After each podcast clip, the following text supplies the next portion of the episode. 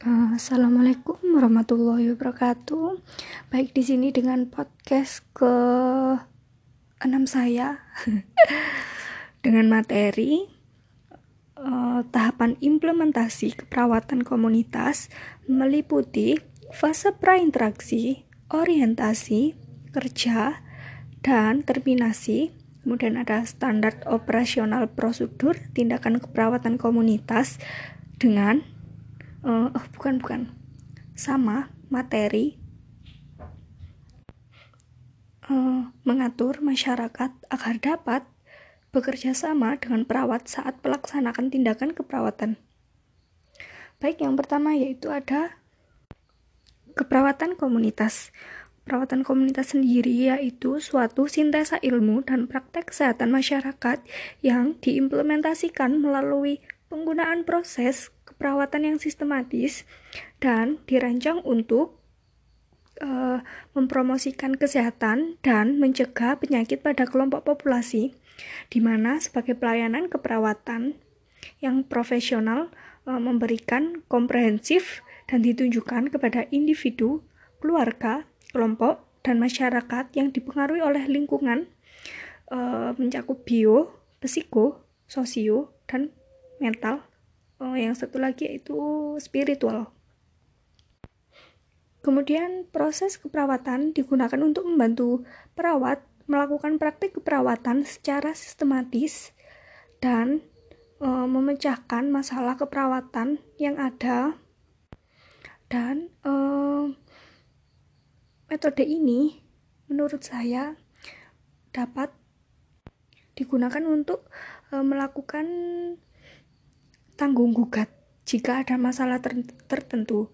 Kemudian pada praktik keperawatan komunitas sendiri, rangkaian prosesnya dimulai dari awal tahap pengkajian sampai evaluasi, di mana diharapkan terjadi alih peran sehingga peran perawat yang lebih banyak berangsur-angsur berkurang dan digantikan dengan meningkatkan kemandirian masyarakat sendiri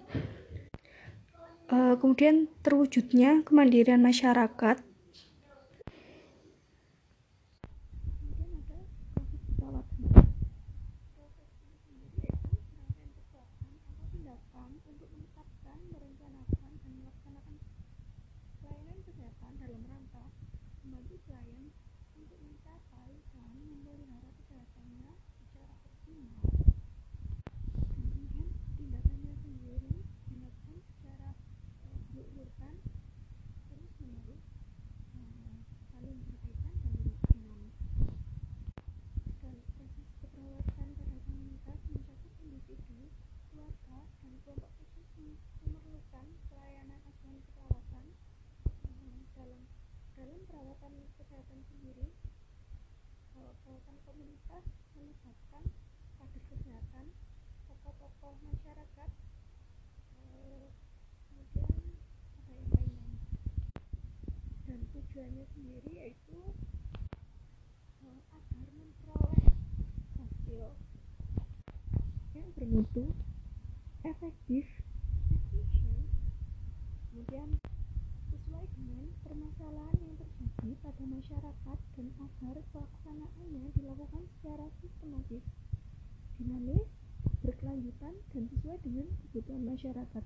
Kemudian ada e, untuk meningkatkan status kesehatan masyarakat, kemudian untuk hmm, dapat mencapai tujuan ini, maka perawat kesehatan komunitas harus memiliki keterampilan e, berupa epidemiologi, penelitian, pengajaran, organisasi masyarakat dan hubungan interna, interpersonal yang sangat baik. Kemudian fungsinya untuk memberikan pedoman dan bimbingan yang sistematis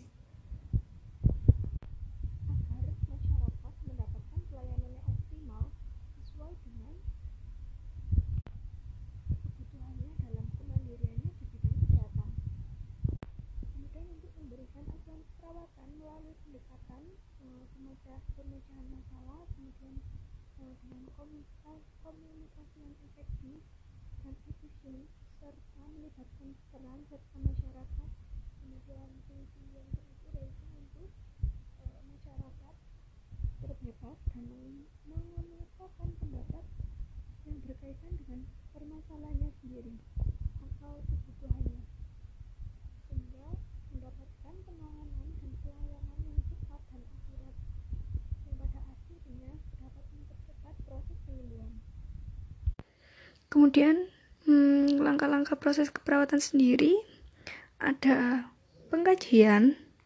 Pengkajian kemudian ada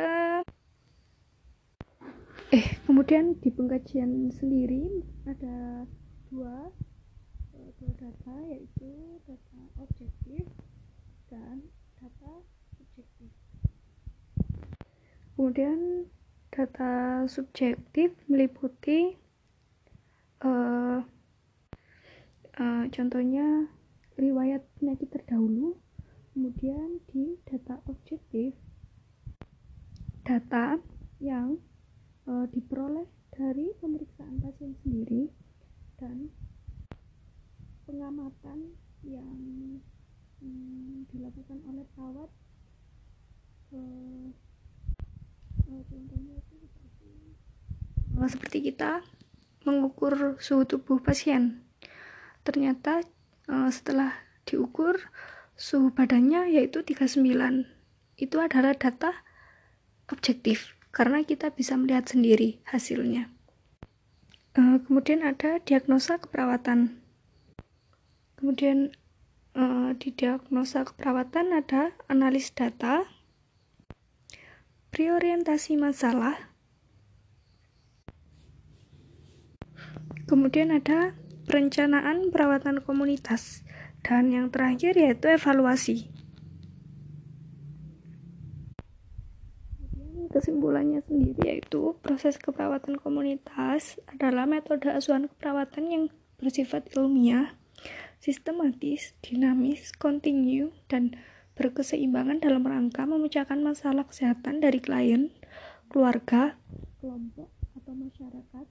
Dan langkah-langkahnya dimulai dari kajian, diagnosis, keperawatan, perencanaan, tindakan keperawatan, kemudian ada pelaksanaan dan yang terakhir itu evaluasi tindakan keperawatan dan pengkajian sendiri yaitu upaya pengumpulan data secara lengkap dan sistematis terhadap masyarakat untuk dikaji dan dianalisis sehingga masalah kesehatan yang dihadapi oleh pasien e, dapat terpecahkan baik secara individu, keluarga, kelompok dan e, yang menyangkut permasalahan pada fisiologi sendiri, uh, psikologis, sosial, ekonomi maupun spiritual dapat ditentukan. Kemudian diagnosa menurut uh, menurut saya sendiri yaitu kesehatan yang hmm, karakteristik di populasi dan lingkungan yang dapat bersifat aktual. Dan perencanaan sendiri merupakan tindakan untuk pencegahan primer, sekunder, tersier yang cocok dengan kondisi klien dan keluarga masyarakat ataupun kelompok yang lain.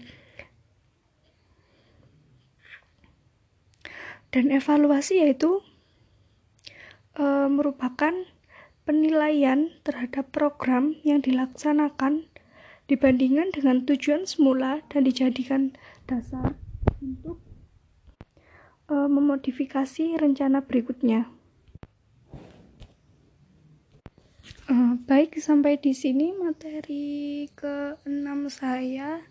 Jika ada salah kata atau kurangnya materi, mohon dimaafkan. Wassalamualaikum warahmatullahi wabarakatuh. See you next time.